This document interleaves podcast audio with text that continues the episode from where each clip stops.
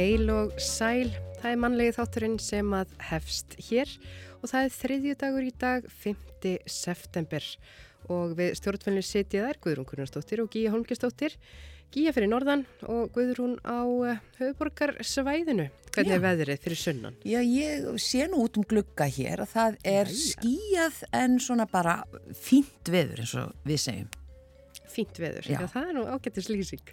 Hér á Norðurlandinu í höfustad Norðusins, Akureyri, þar er nú bara glampandi sól og blíða. Um, Soltið vindur eins og hefur verið, en ég held að þetta sé nú einn af þessum svona fáu haust góðu dögum sem að eru eftir. Ég held að er ekki að fara að kólna og hvessa og og verða leðilegt. Já, það er svona gerist smám saman. Það gerist Það er bara eins og það er. En um, ef við ekki að rifja upp sögu þessa dags og eins og þú sagðir, 5. september, eh, 1698 þá lagði rúsakeisari Pétur Mikli skatt á skegg sem tilraun til að nútímavæða Rúsland. Þetta er afbræðs hérna, skemmtilegu móli. Já. 1939, þann 5. september, þá var vestur íslenski listfræðingurinn Holger uh, Cahill, eða Sveit Kristján Bjarnason, um, hann var á forsýðu Time Magazine, en uh, hann, Sveit Kristján, uh, var vestur íslenskur listfræðingur og forstöðumadur Museum of Modern Art í New York, eða MoMA. Hann var forstöðumað þar uh, 1932 Uh, og hann hafði sérstakann áhuga alþýðulest og þennan dag, sem sagt 5. september 1938, þá byrtist mynd af honum á forsið Time Magazine. Já, mjög merkilegt. 1942 eh, fjóri drengir slösuðust og skemmtir urðu á húsum þegar þýskar sprengjuflugular gerðu loft árás á Seyðisfjörð.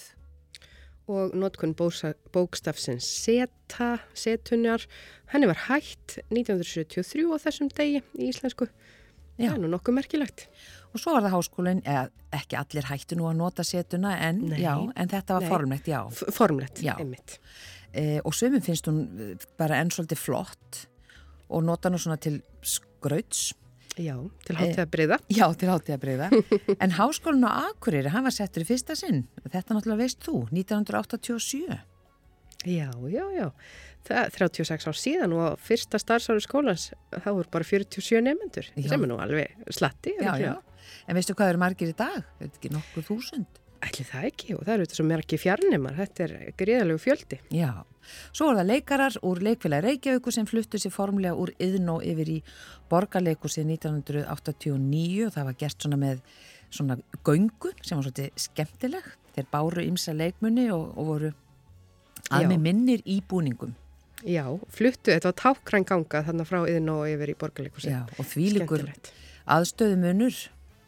Já, heldur betur. Já, þetta Eh, ekki Lýsingarnar sem maður hefur heyrt úr yðin og eru nú ekki um, skemmtilega svona baksveits lýsingarnar. Hvernig var, var ekki róttugangur og, og alls konar leðindi. Það var ansið þröngt líka um og þarna, eh, já, þarna er náttúrulega vítt til loft svo vítt til, hátt til loft svo vítt til vekja eins og sagt er í borgarleikusinu. Akkurat. En að efni þáttarins í dag við uh, ætlum aðeins að segja frá bók sem kom út uh, fyrir síðustu jól, svolítið merkilegt, eftir Margreti Júlíu Rattsdóttur, Hjartarætur, Sagan af pappa og þessi bók fór nú ek- ekki hátt í uh, bókaflóðinu og ekki margi kannski sem veitt henni aðtegli. En hér lýsir Margrét Júlía í bókinni Kærlisríku uppeldi sínu og hvernig saga fjölskyldunar hverfist um tískotu átta við Óðinstorg í Reykjavík og fadir hennar, Rafn Júlíusson, er miðpunktur bókarinnar eh, og það var já, ekki allt rætt í þá daga, ekki allt upp á borðinu og við heyrum meira um það hér eh, á eftir. Við hittum hana Margréti á Óðinstorgi og ætlum að rappa um sögu húsins og fjölskyldunar. Já, og eins og ég í upphafi, ég var hann aðeins að segja frá veðrinu og við ætlum að spjalla nánar um veðrið hér í mannlega þettinum og eftir um, og uh, það er svona eins og við gerum alltaf uh, hún Elin Björk Jónas Dóttir veðurfræðingur, hún ætlar að koma til okkar. Og svo er það bara tónlistin, ef ekki að byrja bara á Lægi nummer eitt. Það er búin gott. Byrjum á því. Það er Vestugata. Björgun Haldásson syngur lag eftir Gunnar Þórðarsson, Ólafur Haugur Simónasson á þennan texta og eh, þegar læginu líkur þá eh, já, er það Margret á Óðinstorki. Afinn gekkum á allræmdum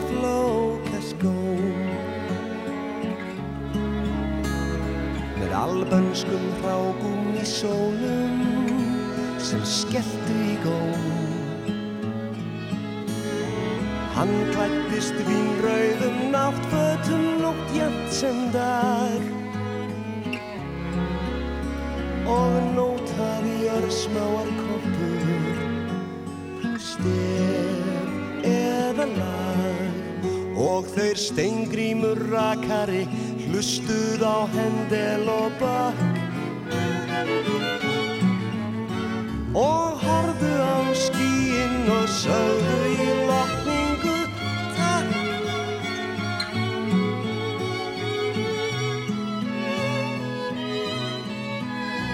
og steingrímur rakari glifti í kosmískri ró og kunnarnir greitt honum margir með þorski upp úr sjó. Og steingrímur klifti og hlustað á hendel og bakk. Uns hundurinn snottas eitt góðan veðurdag sprakk og blessuð skeppnan skipti að lokum um vist.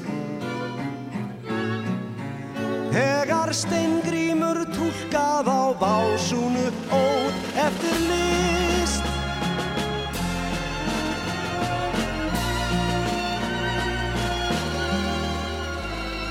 Í huga mér heyri ég orðira en Elskan mín listarmenn Og Guðmundur vélsmiður strengina varlega strauk. Og stundi afinn vortis gleði áður en lauk. Og þeir lyftu glösum og gáfu sig tónum á vald sólinn í vestri og gulli í hvern öldu fald Í huga mér heyri ég orðira en Elskan mín þetta eru hljóm listarmenn Víðast í heiminum hljómar nú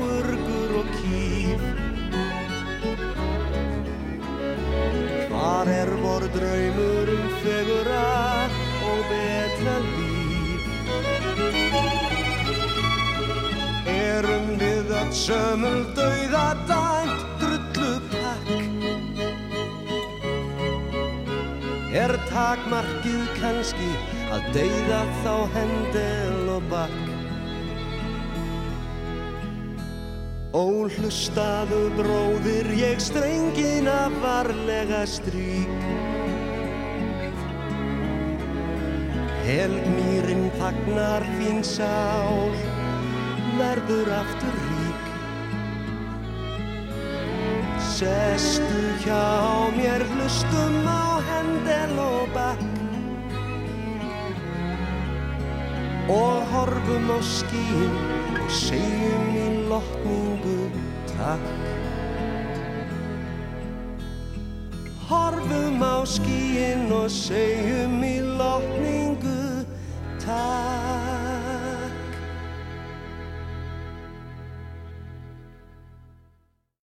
Fyrir síðustu jól kom út bók eftir Margreti Júliu Rattsdóttur, Hjartarætur sagan af pappa. Þessi bók fór frekar hljóðlega um sviðið en hún er tilenguð öllum þeim sem bæta heiminn með kærleika og umhyggju fyrir fólki og umhverfi eins og stendur inn í bókinni. Margret Júlia lýsir í þessari bók kærleiksríku uppeldi sínu og hvernig saga fjölskyldunar hverfist um tískötu átta við Óðinstorg í Reykjavík. Rafn Júliusson er miðpunktur bókarinnar, fadir Margretar og eins og hún lýsir var hann með eindæmum kærleiksríkur fadir og alin sjálfur upp í miklum kærleik. En það var ekki allt rætt í þá daga eins og kemur fram og uh, þegar Margrit er orðin stálpuð þá kemst hún að því að ekki er allt upp á borðinu eins og sagtir. Við hittum Margreti Júliu fyrir utan tískötu átta og þar hefur nú ímislegt breyst frá því hún var að skottast þarna um lítil stúlka enda fætt og uppalinn í húsinu. Já þá maður segja það að þetta er ekki lengur hús það sem fólk sem eru með heimilum fólks heldur er þetta orðið hótel. Og ég hérna sem dæmi eins og ég byrja eh, að skrifa um að þá er er ég einhvern tíma að taka mynd á húsinu og kemur starfstúlka af Hotel Óðisjöfum út og svona hvað ég segilega að taka mynd af þessu húsi?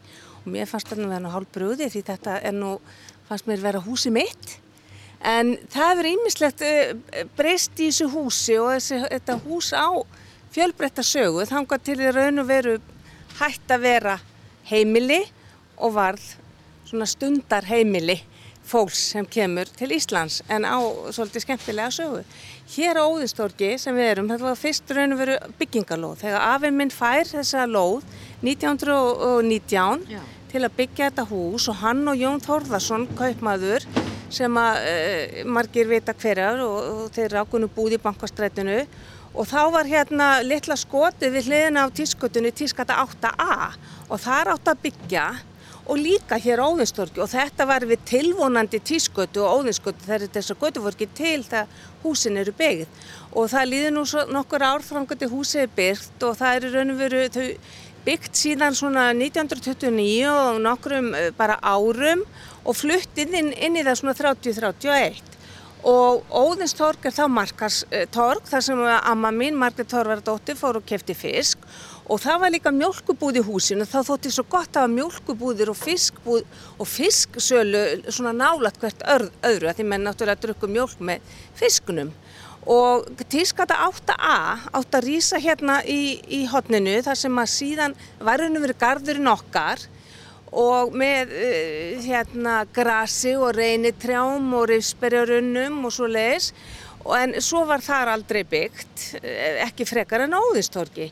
Óðistorgi minnibensku er bílaplan, fyrst bara sem möl og svo malbyggað og það var náttúrulega, við reyndum auðvitað, við áttum fjölskyldibíl þó við notuðum maður lítið, maður lappa sko bara, ef maður bjóði miðbænum, lappaði maður allt Og, en þá var mjög erfitt að koma aftur heim og, og þurfti að ringsóla mikið eins og ég uppkvitaði líka á þann ég var að koma ynga. Erfitt að finna stæði þá og nú. Stæði, já, en ég sakna pínu lítið að því á tímabili voru leiktæki fyrir börn hérna tískutu 8a. Það eru ekkert hér fyrir börn. Ég saknaði spínlutið þó torgi sér alveg dásamlega fallet, loksins orði torg fyrir fólk aftur. En það er margt hérna upprunilegt. Já, já.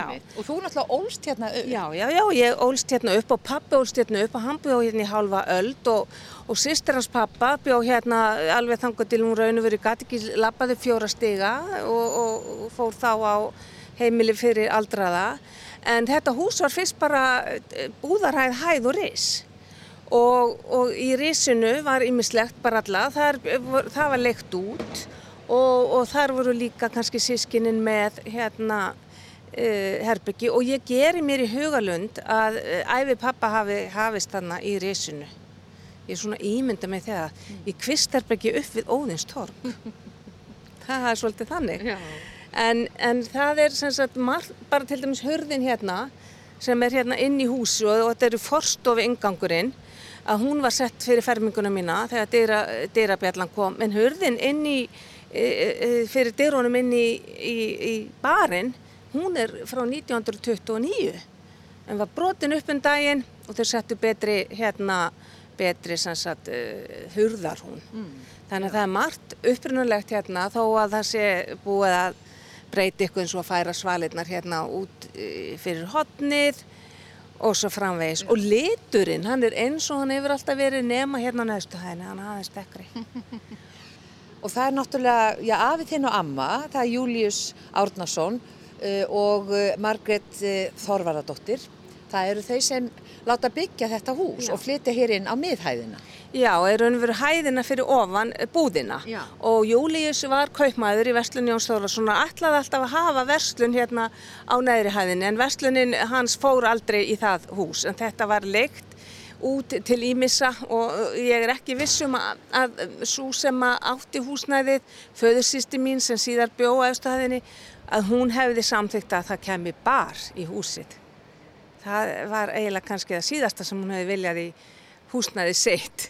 En svo, svona er þetta bara, maður ræður engu eftir sinn dag. Nei. Það er vist ekki þannig. Nei, akkurat. en af hverju heldur hún hefði ekki viljað bar? Já, sko, hún var mikil, eh, svona, hún var mjög trúið kona og gekk á Guðsvegum og vildi gerna fó, hjálpa fólki sem að höfðu við einhvers konar áfengisvandastríða og leiði til dæmis hérna hjá sér ítrekkað svona karlmönnum sem hún ætlaði að koma á til betri vegar. Ég veit nú ekki hvort það tókst en þannig að hún var, já, það, hún, og við erum verið með alla leyendur á næstu hæðina því hún átti í búðarhæðina. Og, og það var alltaf mjög, hún var mjög vandlátt og stundu stóð hæðin auð ef ekki fengust réttu leyendurnir og bara eins og þegar hérna átti að hérna mjölkubúðin var saminuð Uh, hérna, náttúruleitningabúðinni það tók hana mjög langan tíma að sambyggja þá breytingu. Það, svona, þetta þurfti að vera svolítið eftir svona kokkabókum Já Og við stöndum hérna, já eins og ég sagði upp að við, fyrir utan uh, tískötu átta uh, og nú er hér Hótel Óðinsvið mm -hmm. og uh, hérna beint á móti okkur snaps. Og þetta er bara, einmitt, já, bara hér ágætasta tork og á sólardögum þá flikist fólk hingað og hér er þétt setin bekkurinn. Eða að fara inn á barinn, það er að segja, þetta er líka kaffihús já, já, yfir, yfir daginn. Já, og þegar við erum komin, komnar þangaðinn þá eru við bara beint fyrir ofan stofuna þína gömlu. Fyrir neðan. Ég meina fyrir neðan. Já, já. Stofuna sem pappa og mamma áttu og afi minn og amma og hér voru haldar margar visslur hér fyrir ofan og kannski að segja frá því að ég ákvað þegar ég gaf út bókinu svona í hljóðu og í laumi eiginlega hann fyrir síðustu jól að halda svona fyrir fjölskyldina útgáfi hóf emmitt hér. Mm. Að því á fjórðardensibur á ammali pappa af því að í þessu húsi voru haldinn í hálfa öld ammali fjóra des. Já. Og núna stendur þau um það bíl þar sem hún Freyja var yfirleitt að afgræða. Já, í kjörbúðinni. Í kjörbúðinni. Já. Og hér var svona rekja með í gólum, þetta er mjög stór búð, rosalega stór. Og kælirinn þarna fyrir enda sko. Og appi sínutnar þarna hinn um eini, ég man það alltaf. og hérna þá, í hinum enda barsins, þar var mjölkurbúð. Og þá, það er svo ofsalega merkild þessi hörð sem er þarna eða dyr mm. á milli, það var dyr úr ganginum okkar, bakdera ganginum okkar inn í búðina og inn í mjölkubúðina og einhvern tíma fekk ég að fara þarna svona, það var rosalega flott að fá að fara svona bakdera megin inn í búð og fá enda, vínabröðsenda. En þarna löpuðu við upp alltaf, hverstags En nú er búið að taka þennan stiga og komið klósett þarna í þetta rými. Já. En, en þú hljóft þá hér upp og niður alla tíð, alla tíð upp og niður já. hérna stigana? Já, já, já, já, heldur betur. Og dyrnar sem eru þarna, sjáum á út í port, mm. að það er uh, út í undirgang. Þetta eru líka upprunnileg hurð inn í húsið og, og hérna stóra, stóra trehurðin sem er fyrir undirganginum, hún er líka upprunnileg. Já og hún er svona, hún var nú alltaf opinn bara til háls en það, eins og ég skrifa þarna um þetta, það leituðu svona ymsir þarna í hotnið bak við hurðina til að pissa. Já. og það var allt vondlikt, einhverju svona sem hérna svona, já, sem að kannski voru búin að fá sig aðeins neðan í því. Og það var alltaf verið að spúla. Þannig að það var alls konar fjölbreytt mannlíf hér á tískuti í gamla daga Ég bara trúði að ég var setjast aðeins niður af því að mér langar aðeins að forvitnast eins og ég sagði upp að við, þá er náttúrulega miðpunktur bókarinnar, það er pappiðinn og uh, hann, hann elst hér upp. Hann elst hér upp. Já, og, og síðan hann uh, býr hér með sinni fjölskyttu og já. þú elst hér upp. Já. Já, af hverju hverfist bókin um hann? Já sko það, ég má eiginlega segja það að ég hérna, það, sagan hans hafði alltaf verið með áleitin og ég sem hef verið að vinna í gegnum tíðina með börn og fyrir börn og verið mikið velta fyrir mig, hvað gerir fólk að góðu fólki? Hvað þarf til? Og ég hef verið svona náttúrufræðikennar lengi, er það bara þessi gen eða erðir, eða hvað er það? Og mér langaði svolítið að kafa bara í sögunans hvernig veist, var þann svona góður maður, svona einstaklega góður maður eins og allir bera vottum og, og, og, og þá, ekki síst vegna þess að árið 2020 þá var ég nú eina af þeim fyrstu að veikast að COVID hér á landi og laðist inn á spítala og ég ligg á stofunni þar sem að hann liggur bannaleguna og, og þá bæði hann var náttúrulega bara 6, tæplega 65 ára þegar hann veikist. Mm. og ég er að nálgast þennan aldur. Og, og hérna svona eftir ár. Og þá verður svo áleitið, raunum verður hann verður svo nálægur og, og, og þessi spurning verður ennþá áleitnari og líka þetta tímin er skamtaður það er núna eða aldrei, nú verð ég bara að drífa í þessu og ég bara fekk litla bók hérna, í, hérna í, að því að mátti ekki koma með að heiman, þetta er náttúrulega hérna í upphafi COVID, maður var eiginlega hálfgeð tilruna til hérna, það voru helstu lagna landsins að hafa samband við mann og spurja um hitt og þetta og, og, og fylgjast með manni. En, og, en þá svona ákvað ég núna byrjaði ég að skrifa. Og þegar ég kem heim þá náttúrulega bara farið í skapa og bílskurinn og náði bref og skjöl og alls konar dót og farið að kafa og haft samband við mann og annan. Og ég tel mig svona að komast að svolítið niðurstöðu. Hvernig verður gott fólk til? Já og afaðinum og ömmu já, er líst sem sérlega kærleiks ríku fólki já. og fólki sem hérna, skiptir máli fyrir bæjarlífið því þau eru hér náttúrulega þegar það er ekki margi sem búa í Reykjavík en þau letur sig varða lítilmagnan og, og, og afiðin segi einn af þeim sem uh, stopnaði grund mm -hmm. og, og KFM og K og hérna koma því starfi mikið Einmitt. þannig að þau letu að sér hveða og og mér skilst á bókinðinni bara að allir hafi verið velkomnir. Já, og á þessum tíma eins og þú segir réttilega þá var velferðarkerfið okkar ekki það sama og nú og það þurfti að treysta á náungakærleikan uh, og að samfélagi tekki saman um að, til dæmis að hugsa um börn og, og, og hugsa um fátaka og, og svo framvegist, þannig að þeir til dæmis Eh, já, hann var einn sem stopnaði grund og, og þeir voru til dæmis með súpur fyrir fátaka og, og svo framvegis. Þetta voru svona samver, samverjamenn sem þeir kolluðu sig og, og svo náttúrulega er mjög ör, örlög ráðast svolítið í þessu húsi og fram til pappa.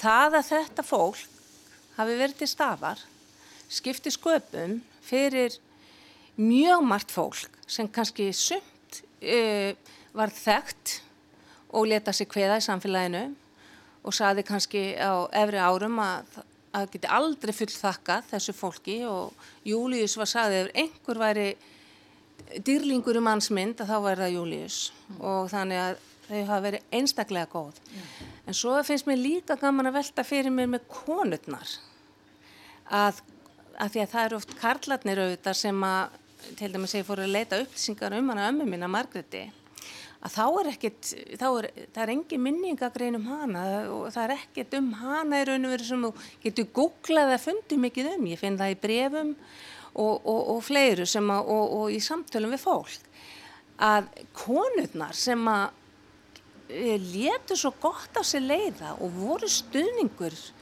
við börn og við fólk, en það er lítið skrifað en það er. Það er fóru hljóðar um lífið en letur svo sannarlega arfleð þeirra er mikil Já. og það má segja manna Margreti Þorvaradóttur ömmu mína sem liggur í kirkjugarðinum við sögötu á milli Júliusar og Abudóttur sinnar og ég hef svona tilfinningunni hún heldur utanum þau mm. hún er þarna á millið þeirra að passa þau Já.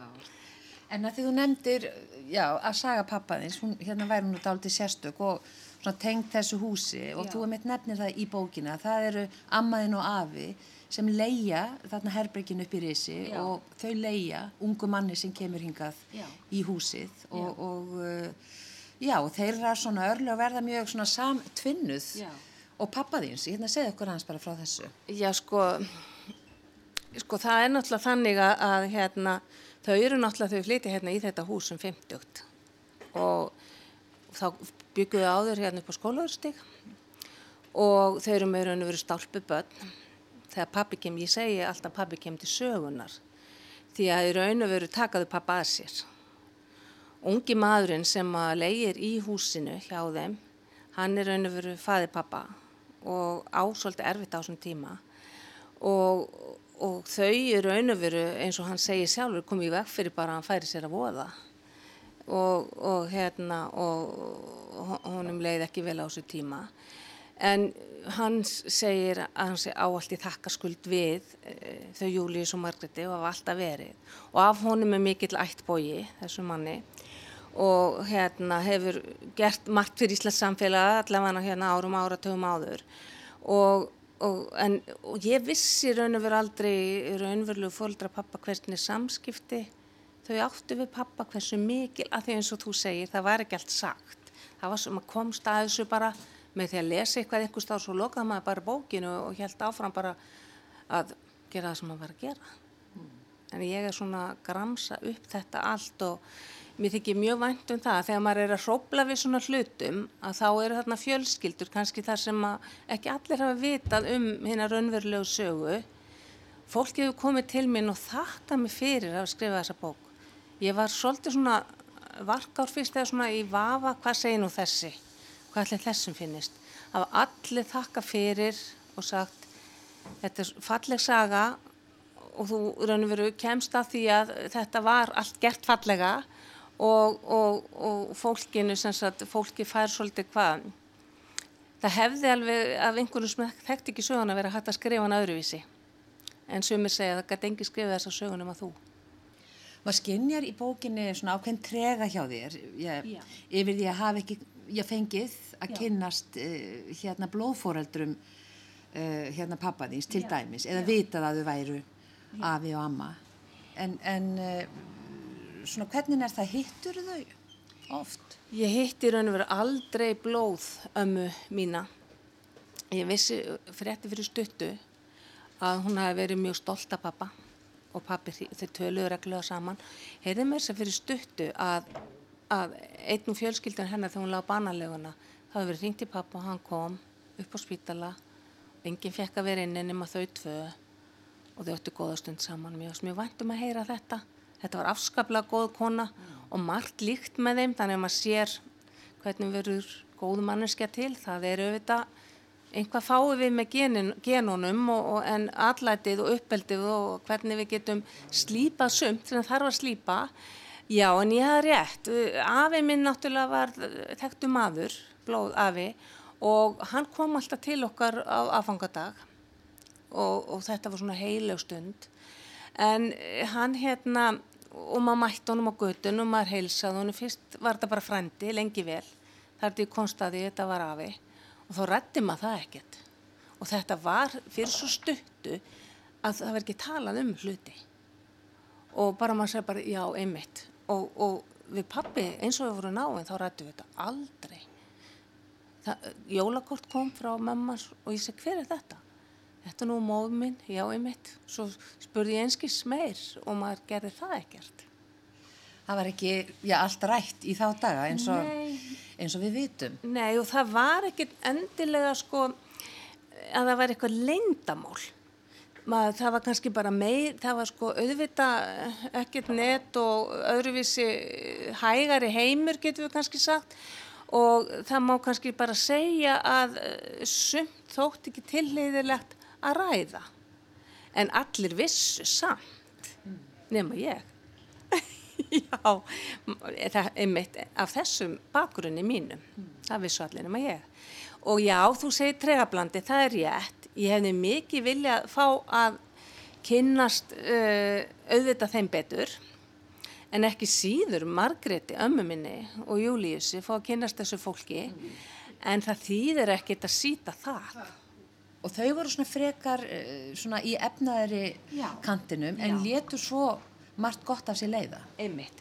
Og það er alveg rétt. Pappi fekk náttúrulega ótal tækifæri af því að raun og vera alast upp þarna hjá þeim og til dæmis að fara til Fraklands að læra eins og öll börnin þeirra fór til Erlendis að læra 1940-50 og það var náttúrulega ekkert uh, gefið í þá daga og, og það er bara ymsi uh, hlutir sem við eigum í fjölskyldinu bera náttúrulega vottum ríki dæmi þeirra og fólk sem kom inn á heimilega mikið silfur og postulinn og, og, og kristall og pluss og allt þetta.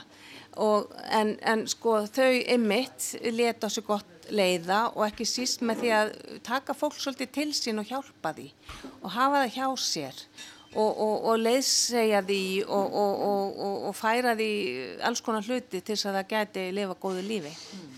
Þú, ég er ekki vissum að það hefur náttúrulega borist á, ég, auðvitað veit maður það ekki, en þau auðvitað áttu bæði þessa einn sem síðan var sko fyrst bara hæð og ris og búðarhæð og svo var byggt hún á og svo áttu þau fleiri eignir, þannig að það var alveg, nú fyrir kaffikannan í gang. En það sýtum á kaffúsi þannig að það er alveg eðlilegt. Það er eðlilegt.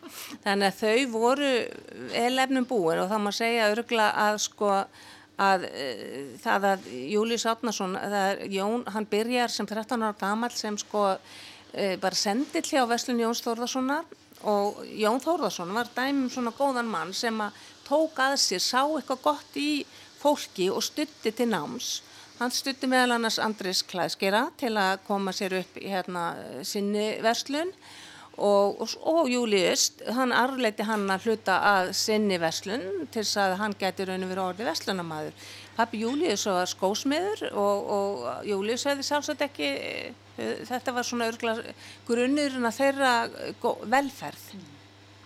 Eh, Pappiðinn hann fyrir til Fraklands til þess að læra frönsku er það ekki og, og sögu og bókmyndir og slíkt Jú. og er þar í þrjú ár. Eh, síðan kemur hann hingað heim og hann fer síðan að vinna er það ekki hjá post og símamálastofnuninni Jú, og það er svo alltaf gaman að sjá það því að sko amma mín sem Margaret sem var alltaf að segja vonandi verður þetta nám þér til gæfu og vonandi og það allt saman þetta úti og, og, og hún síndi hann svo miklu kærleiki brefi sem hún skrifaði honum.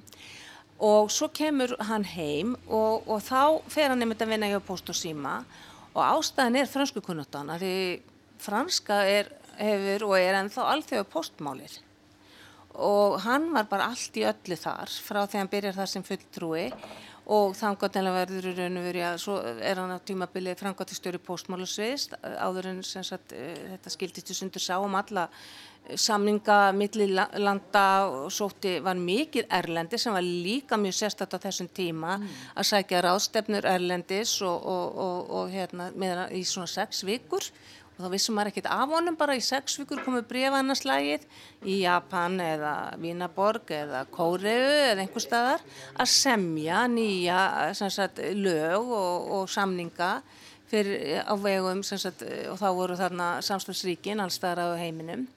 Og svo kom hann klifjaður heim með baklinga og bækur og ég veit ekki hvað og hvað sem þurftu svo að vinna úr.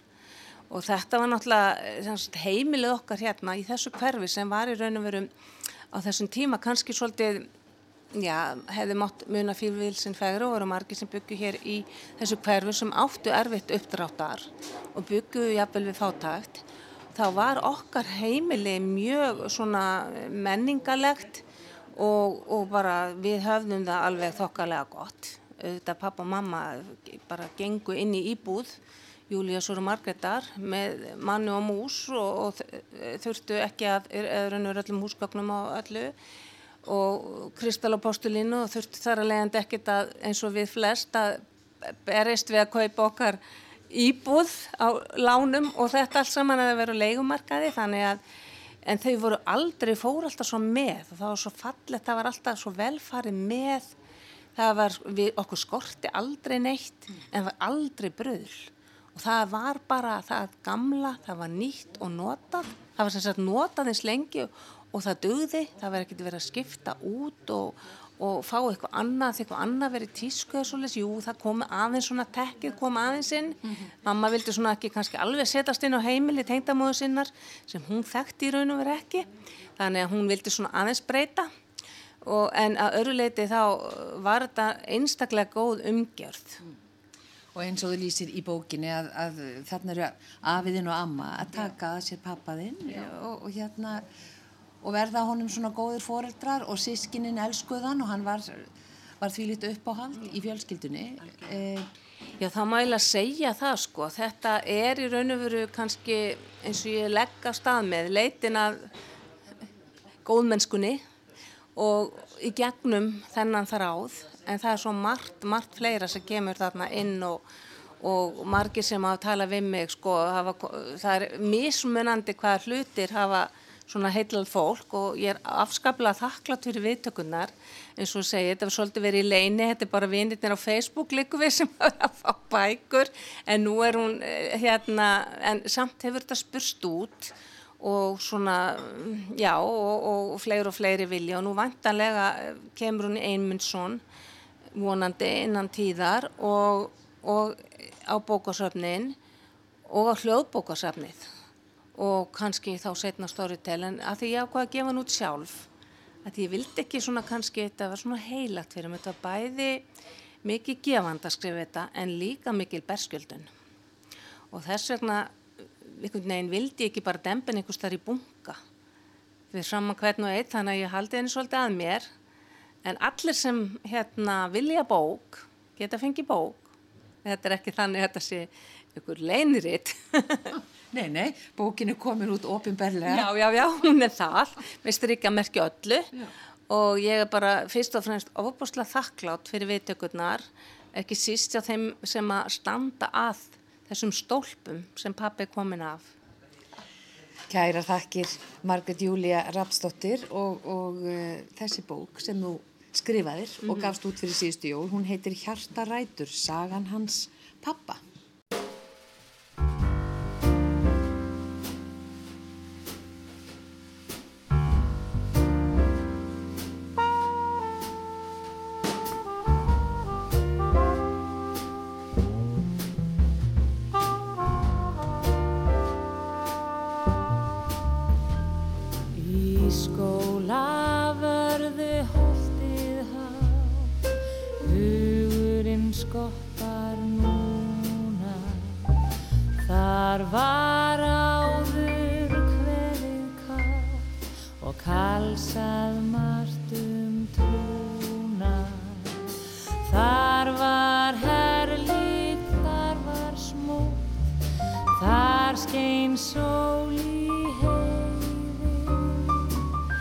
Þar var einn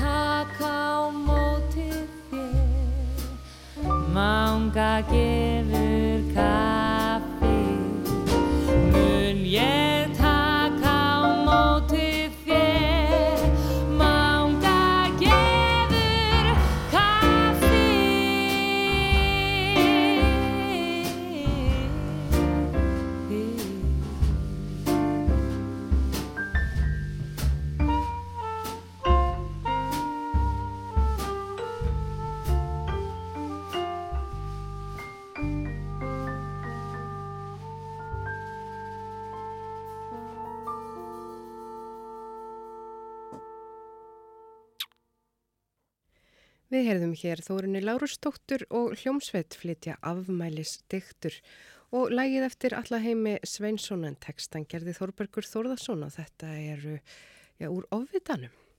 Og þarna kom skólaverðu holdi nú uh, mikið til sögu en það vorum við á þeim slóðum í viðtalinu hér áðan.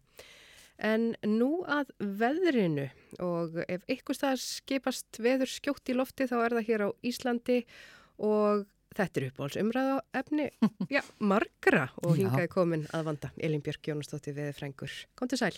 Kom til sæl. Já, skjótt skipast veður í lofti, ekki bara á Íslandi, heldur líka út í heimi. Maður hefur séð hérna ímsar fréttir af já, rigningum og, og hita eins og til dæmis þarna í, í, í Eidimörkinni, þar sem var þessi hátíð og rign, mikil rigning Eidimörkinni og hita þetta. Það sem allir, allir hérna, festust í drullunni. Já. Ótrúlegt. Verða að fara hundi eðimörk með hérna 75 manns að lenda í regningu. Já, það er dálítið í sérst. Það er óvanalegt og það er óvanalegt veður víðar. Já, það er það. Við höfum þetta fengið fréttir af uh, miklum þurkum og gróðureldum uh, á Greiklandi í allt sumar og, og svo sá ég í, í hérna gerð morgun að, að mín beð tölvupóstur frá grísku veðustofinni þar sem að hérna var að vera tilkynna um sko að þar hefði verið búið, búið að nefna óveður. Uh, og það þýðir þá að, að það er búið að gefa út appilsínugulega eða rauða viðvörun. Já. og ég hugsa já já nú eru ennþá meiri þurkar og það er allt komið í eitthvað rögl. Nei nei þá er verið að gefa út sko rauða viðvörun vegna úrkomi já, á Greiklandi og bara mjög víða úrkomi og þrjumi vera og þetta er sem sagt það er djúb lagð sem að svona hegða sér halvgert eins og fellibilur þarna yfir miðjarðahafinu sem að uh, bara veldur þessu gríðal úrhælli. Það er nú ekki svona opasla vindasemt eins og í fellibiljum uh, en, en já, það er búið að nefna þessa lagð Daniel já.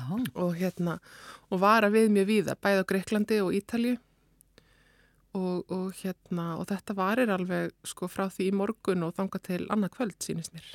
Já, og svona fellibilir á þessu svæði á miðjararhafsvæðinu, um, er þetta algengt að svona veður aðstæðin myndist þarna? Já, þetta er þekkt sko, þetta heitir inn að vera ekki fellibilir, þetta er svona, þetta er svona talað um svona medicanes en ekki hurricane í, Já, í fræðanum og þetta eru svona djúpar hlýjar lagðir sem myndast yfir miðjararhafi, yfirleitt mjög snögt og, og geta valdið miklu musla þarna við löndin í kring. Og það er ganga nú eiginlega alltaf í norður Þannig að grí, gríska veðstofan er, er mjög fær sko í að, að spá fyrir um þetta og ítaliðnir líka e, að þetta er svona gengur hérna en hérna en þetta gerist reglubundið en þetta er svona með verri veðrum sem þau fá á þessum slóðum og þetta er auðvitað líka alveg hrikalegt fyrir sjófærendur á, á miðjarðhafinu og við vitum auðvitað að það er náttúrulega stríðistur með flótamann oft þannig að þetta, er, þetta eru hættulega og erfið veður viðregna sko. Já. Mm. E, jarðvegurinn hlýtur að vera dálítið þurr að það, já, það er svo stutt síðan bara að maður var að lesa fréttur um þess að nánast skóareld. Emitt og það er svo erfitt með, með hérna svona gríðamikla regningar þegar það er komað mitt ofan í þurka að því þá er jarðvegurinn svo skorpin að hann tekur ekki við vatni. Jarðvegur sem kannski alla jafna tæki við hellingsvatni eins og í skólendi að hérna, þeir eru búið að bæði brenna og, og vera svona opaslega þurkar þá verður yfirborðsvatni svo mikið það bara drýpur ekki niður. Það er bara eins og að sé einhver svona filma mm. uh, á hérna jarðveinum, þannig að það sem er, er sagt, óttast núna er að á sko brunasvæðunum og þar í kring og í fjöllunum þar sagt, eða í byggðum sem eru undir þeim fjöllum og þar verður mikil flóð. Já og kannski eitthvað skonar uh, já, að jarfiður fari færistu stað eitthvað Það, ég held að sé alltaf hætta já, ég held að sé alltaf hætta því. Ég hef nokkið séð beinlíni svarað við uh, örskriðum en, en það er ekkit langt síðan að það voru fréttir sko ég held að það hefði verið 2000 og, í februar 2017 átján, átján sennilega þá bárust sko fregnir af mjög miklum flóðum og, og skriðuföllum á krít uh, í svona svipuðu veðri sko og þar eru auðvitað talsast brött fjöll og, og mikill lérðvegur og, og hérna og svo fóru ferðalangar í, í hérna skoðunaferðir þannig um sumarið þá sáist ennþá ummerkin sko þannig ég held að það sé nú alveg alveg borlíkjend að það verði sagt, þessi svona fjölþatt okn af þessu veðri eins og getur til dæmis líka bara verið hérna á Íslandi sko Akkurat, og er þessi uh, stormur, uh, þetta, þetta veður Daniel, mm. er þetta skollið á? Já, Núna? já, já, já og hérna og verðist vera svona að, að byggja sig upp og, og verði verst núna síðdeis og í kvöld og fram á nótt og, og viðvarnirnar sem sagt eru til í sákipeturinn þar væri gildi til miðnættis eða sem sagt annars kvölds mm. og hérna já, það er 50 já. dag og það er, gild, það er gilda út sjötta sko þannig að það er hérna, já, verðt að fylgjast með þessu og, og, og sem sagt, svo er í kjölfæri líka appelsínugular viðvarnir og gular á Ítalju og hérna og sennilega víðar þarna í kring svo er sko þetta er eins og eftir sem veðri nálgast. E, sumar veðstofur gef ekki út viðvarnir lengra en sko 24 tíma fram tíman þannig að það hérna allavega ef að fólk er á ferðinni eða er á leiðinni á þessar slóðir þá er alveg viðbúið að það verði sko tafið til dæmis á lestarferðum mögulega flugferðum eitthvað slúst þannig að fólk verði bara fylgjast með Já. Já, og er þetta þá allt landi sem er undir? Er þetta alveg Greikland og Ítalija? Er þetta svona sérstakil sko, hlutar? Já, mikill partur Greiklands verðist vera undir þessari rauði viðverun og appilsinu-gullt annar staðar og það er mikið appilsinu-gullt og gullt á Ítalju. Uh, það er vefsíða sem heitir meteoalarm.eu sem sýnir sko viðvarnir frá öllum efrasku viðvöruna, eða öllum öfsku viðstofunum og þannig að fólk getur semst, fletti upp þar og, hérna, og séð í raun og veru hvernig, hvernig staðin er í dag og á morgun. Og, og fengi þá bara yfirleitt yfir allt svæðið. Og það sá ekki betur en að það væri í raun og veru búið að lita þarna meiri hluta e, miðir þess landana þarna norður af allavega. Já. Já, ég er ymmit var að opna þessa góðu síðu. Meteoalarm.eu Uh, já, kemur org hjá mér. Já, já, já, org, okay, já, það er hérna uh, austur hluti Greiklands er ansirauður og appilsinu gulur restin. Og svo eigarnar þarna uh, fyrir vestan líka. Og Ítalja og þá sérstaklega þarna einmitt á Sikilei og síðst Já. er Amazonu gullast en það er líka rauð í, í, í eitthvað staðar hjá Kroatíu Slófinni og það er það ekki já, mitt, eða Kroatíu mm. Þetta er skemmtileg síðan við mælum með að fólk kynni sér þetta sérstaklega ef að fólk er að fara í ferðalög. Það er þetta nörda svolítið yfir sig þannig Já, svo er þetta að smetla á sko viðvörninni hverju landi og fara það inn á F-síði viðstofunar og, og þar og lesa sig til sko. Já, og eins og segir, fínt fyrir ferðalanga eins og G segir við vorum að tala um einmitt veðrið í morgun mm -hmm. og, og hérna, við svona byrjum alltaf á því það er svona já, til, já. tilherir hvernig er veð, veðrið fyrir norðan eh, og, og við svona, það er svona bara skíjað og fínt mm -hmm. eh, en er eitthvað frétta af okkar veðri? Það er svo sem ekki mikið að frétta, það er svona, það var auðvitað þessi lagðum helgina sem að, sem að hérna allir svona talsverðu tjóni og var alveg heil, heilmikið hérna brim sem fylgdi henni. Já. Um, það er svona, við erum lagst aðeins hérna, lagðabrautin svona lagst yfir okkur og það er svona útlut fyrir einhverju smá regningu hérna söðvestan til í vikunni en bara áframhaldandi sunnan og söðvestanáttir uh, og svo ég var nú á vaktin á sunnudagin og þá vorum við að fylgjast aðeins með lagð sem ætlaði að koma eftir næstu helgi sem að svona gæti mögulega borðið einhverju norðanátti yfir norðanvertlandið þriðu dag, mánda þriðu dag næstu viku en hún svona kom og fór út úr spánum og er ekki alveg sest þannig að við skulum hafa sem fæst orð bara um það í byli. Ég skilði. Ekkert að vera að tala um ekki um norðanáttina. Nei, nei, við skulum hafa. en það fer svona verða hver síðast vera að fara í berjamóið, eða ekki? Jú, ég myndi nú halda það. Þetta, hérna, það munar bara svo miklu sko þegar sólinn er farin að lækka lofti og það er orðið dimmara. E, nætur frostið, sko, það fer svona að lata af sér kræl og það hefur auðvitað alveg verið nætur frost höfum við síðan, sko. En hérna en ég myndi nú ekki kannski freysta gæfinar í berjum og mikið fram yfir næstu helgi, svona bara af reynslunni. Af reynslunni? Verandi manneskinn sem fyrir oft mjög, rankar mjög sent við sig. Já, já, akkurat. En eh, já, bara takk fyrir þetta eh, Elin Björk, Jónas Dóttir og eh, við bara sjáum þið aftur eftir viku. Einmitt, takk fyrir mig.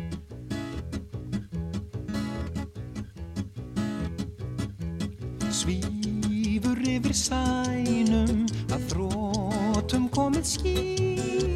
Snýtir sér í bænum Kaplat kona tekur eftir því Hvað jónið sigur síni Hljót að vera kallt Frakka lausum vini. Landsók þjóðar húrrað sögdján fallt Veður glöggur ínir regur görn Ranglar út í sortan byrjur látt Til guðana loftmyndir, norðurljós og hæga vestana Stannir á pissarinn, á blössuð í lófan minn. Þeir spáðu einn lifin þar, að fjarað og flætti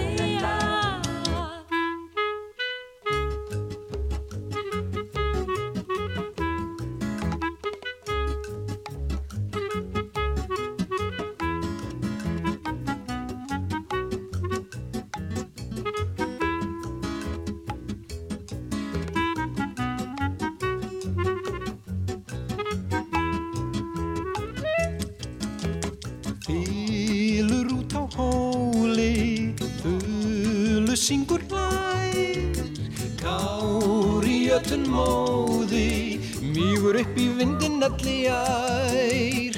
Veður glöggur ínir regur garð Ramlar út í svartan byður látt Til guðana um víga netti þrömu skí og ný dekk undir kalsvagnin og svo finnst mér að mætti fjölga í fiskunum og hérna með þess að kó... Ákvæmsiði lófan minn